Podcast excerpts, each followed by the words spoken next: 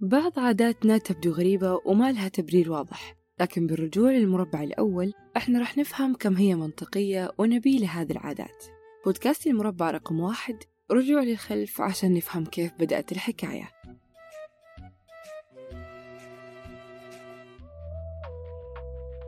لما نتكلم عن سوء الحظ فأكيد حيجي في بالكم الرقم 13 معظم خطوط الطيران تتخطى الممر رقم 13 في الطيارات. والمطارات كمان تتجنب كتابة بوابة رقم 13 و80% من العمارات الشاهقة والأبراج تغمض عين عن الدور 13 وتكتبوا 14 والمستشفيات ما فيها غرفة أو جناح رقم 13 إيش سالفتهم مع هذا الرقم؟ صحيح أن الرقم 13 معروف بأنه رقم نحس في الثقافة الغربية لكن الغير معروف هو ليه اعتبروه نحس. هل عشان رقم ما يقبل القسمة إلا على نفسه؟ أبدا لا صراحة. مو بس 13 ما ينقسم على نفسه لا اثنين ولا ثلاثة ولا خمسة ولا سبعة ولا 11 ولا 13 كلها أعداد أولية وما تنقسم إلا على نفسها وعلى واحد. أجل من فين جات نحاسة هذا الرقم؟ هذا هو اللي راح تعرفوه معاي اليوم. أنا مودة مندورة في بودكاست مربع رقم واحد. الثقافة الغربية زي أي ثقافة ثانية فيها تطير وكلمة تطير معناها التشاؤم وأصلها العربي جاي من عادة غريبة جاهلية قديمة اللي هو كان العربي زمان إذا نوى يسافر يروح لعش الطائر ويهيجه وبعدها يراقب. إذا راح الطير لجهة اليمين فالسفرية آخر حلاوة وأمان وتوفيق وسهالات. ولو طار لجهة اليسار فالسفرية نكد في نكد فالتطير أو الطيرة هي التشاؤم من ظاهرة أنا مالي فيها أي دخل ولا لها أي معنى وارتباط بالعمل اللي راح أعمله. الغرب كمان عندهم تطير من شغلات كثير زينا يخافوا من المشي تحت السلم في الشارع عندهم مشكلة لو حطيت أعزكم الله حذائك الجديد فوق الطاولة. وينزعجوا من تكسر الزجاج ويتهربوا من النظرات الجريئة لعيون قطة سوداء. وأنحس النحس عندهم في بلاد برا زي ما يقولوا أخواننا المصريين هو لو صادف يوم الجمعة إنه يكون تاريخه 13 يا ترى إيش حكاية 13 الجمعة كمان؟ المشكلة زي ما يقولوا مركبة. كثير من الغربيين يعتبروا رقم 13 نفسه بحد ذاته كده شؤم. وكمان يعتبروا يوم الجمعة بحد ذاته شؤم. فما بالكم لما يصادف 13 ويوم جمعة؟ وهذا اللي حصل في يناير الماضي على فكرة لكنه عدى ولا أحد فينا انتبه. بروفيسور أمريكي في الفيزياء اسمه تشارلز بناتي حاول يصيد أصول هذه الحالة التشاؤمية ونسبها للإسكندنافيين أهل النرويج والدنمارك السويد فنلندا اللي كانوا يؤمنوا بتعدد الآلهة.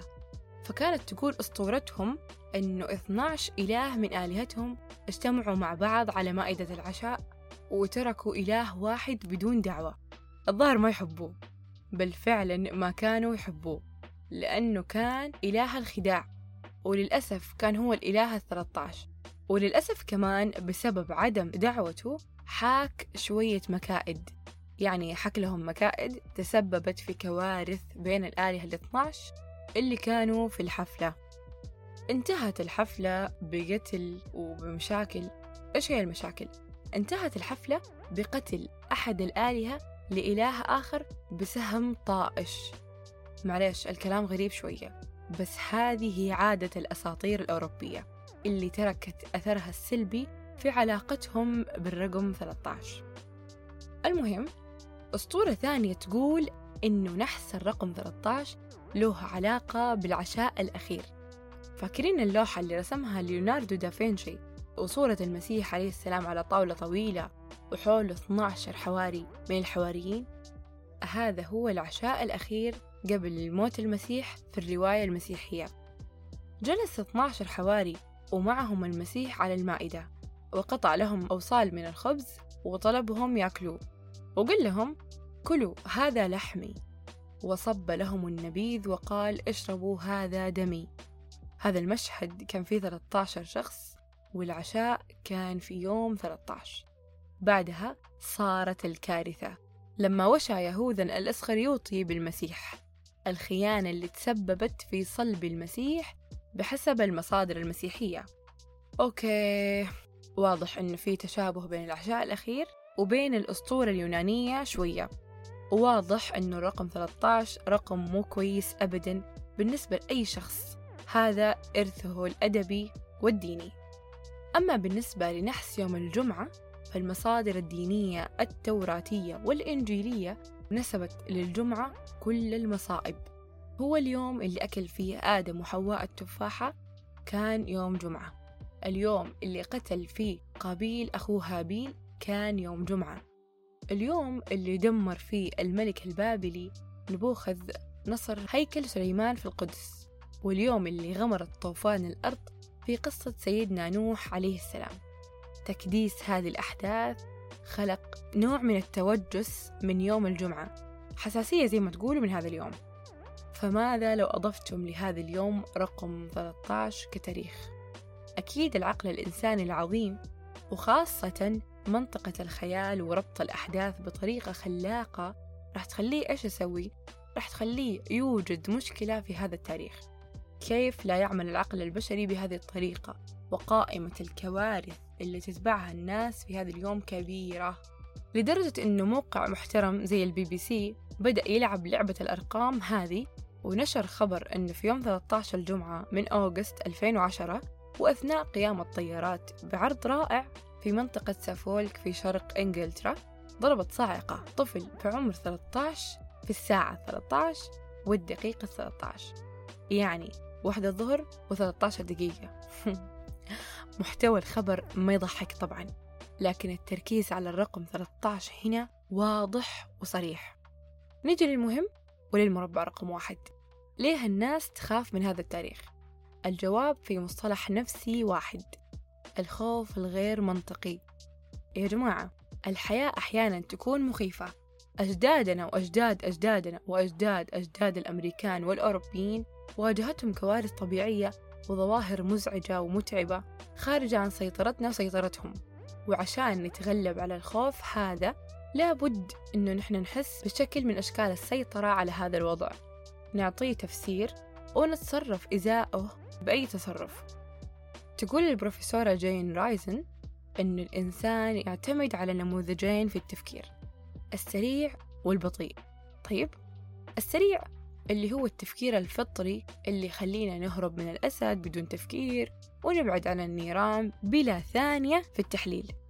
وهناك التفكير البطيء المنطقي العقلاني اللي يحلل ويتخذ القرار وينفذ. هذول النموذجين يتناوبوا على العمل فالسريع إذا تصرف بعجلة وفطرة ووجد الإنسان تصرفه ما له مبرر يبدأ البطيء في العمل والتحليل والتنفيذ. ولكن تقول البروفيسورة كمان أحيانا يسيطر التفكير السريع علينا. يمسك بزمام القيادة ويمنع المنطقي البطيء من العمل. بمعنى آخر الإنسان يفضل أحيانا التفكير الغير منطقي السريع والفطري حتى لو وجد أن تصرفه هذا غير منطقي. طبعا هذا اللي يخلينا نحتفظ بكثير من أشكال التطير والتشاؤم بين قوسين الغير مبررة أبدا. فكرة إننا مسيطرين على حياتنا حتى لو كان تصرفنا ما له أي علاقة بمصلحة واضحة هي فكرة إنسانية بحتة. سلاح له بعض الفوائد النفسية زي مثلا تخفيف التوتر والقلق. بعض التطير لو رجعنا للمربع رقم واحد حنلاقيه يقدم خدمة للإنسان. يا شكل من أشكال السيطرة على القوى اللي ما نقدر نسيطر عليها فعلا أو على الأقل نعمل أي سلوك وقائي ضد كل الشرور والمصائب. لكن يبقى السؤال المهم هل التشاؤم هو تصرف عقلاني صحيح؟ أعتقد الجواب واضح وتعلمنا من طفولتنا لا تشاؤم ولا طيرة. كانت معاكم مودة مندورة وبودكاست مربع رقم واحد. بعض عاداتنا تبدو غريبة وما لها تبرير واضح لكن بالرجوع للمربع الأول إحنا رح نفهم كم هي منطقية ونبيلة هذه العادات. بودكاست المربع رقم واحد رجوع للخلف عشان نفهم كيف بدأت الحكاية.